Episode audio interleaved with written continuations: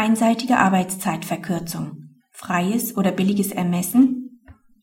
Die Ausübung des tarifvertraglich begründeten Rechts zur Absenkung individuell erhöhter Arbeitszeit erfolgt nach freiem Ermessen. Der Arbeitnehmer ist seit 1987 beim Arbeitgeber tätig. Nach 7 des einzelvertraglich einbezogenen Manteltarifvertrags für Beschäftigte in der Metallindustrie in Nordwürttemberg, Nordbaden beträgt die wöchentliche Arbeitszeit 35 Stunden. Mit Zustimmung des Beschäftigten kann diese auf bis zu 40 Stunden verlängert werden, wobei das Arbeitsentgelt angepasst wird. Die so vereinbarte Arbeitszeit kann auf Wunsch einer der Arbeitsvertragsparteien mit einer Änderungskündigungsfrist von drei Monaten geändert werden. Seit Beginn des Arbeitsverhältnisses arbeitet der Arbeitnehmer auf der Grundlage einer 40-Stunden-Woche.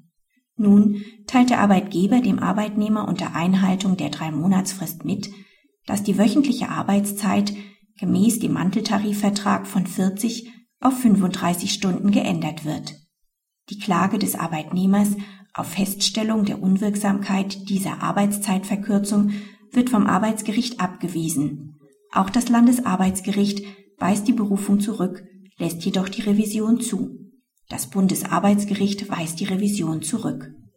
Der Arbeitgeber ist nach freiem Ermessen berechtigt, die Arbeitszeit des Arbeitnehmers einseitig auf die tarifliche Regelarbeitszeit von 35 Stunden zurückzuführen. Zum einen hat sich der Umfang der Arbeitszeit trotz der langen Vertragsdauer nicht auf 40 Stunden konkretisiert. Zum anderen muss das tarifvertraglich eingeräumte Recht zur Absenkung der Arbeitszeit nicht an 315 Absatz 3 BGB, 106 Gewerbeordnung gemessen werden. Die verlängerte Arbeitszeit ist eine Ausnahme, deren Rückführung daher dem Wortlaut nach ohne billigenswerte Gründe schon auf Wunsch möglich ist. Darüber hinaus muss der Arbeitgeber bei der Ausübung des freien Ermessens zwar die allgemeinen Schranken der Rechtsausübung beachten, durch die Verkürzung wird der Arbeitnehmer aber nicht schlechter gestellt als die Beschäftigten, für die die tarifliche Wochenarbeitszeit gilt.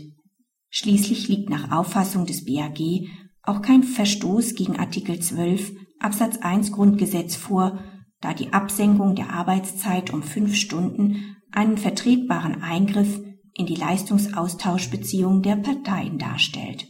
Praxishinweis. Das BAG schließt sich mit seiner Entscheidung der Rechtsprechung verschiedener Landesarbeitsgerichte an. Es stellt dabei klar, dass die Arbeitszeitverkürzung zwar nach freiem Ermessen erfolgt, die allgemeinen Schranken der Rechtsausübung jedoch zu beachten sind. Auch macht es deutlich, dass die Änderung der Arbeitszeit nach Ablauf der Frist unmittelbar und ohne Mitwirkung der anderen Partei eintritt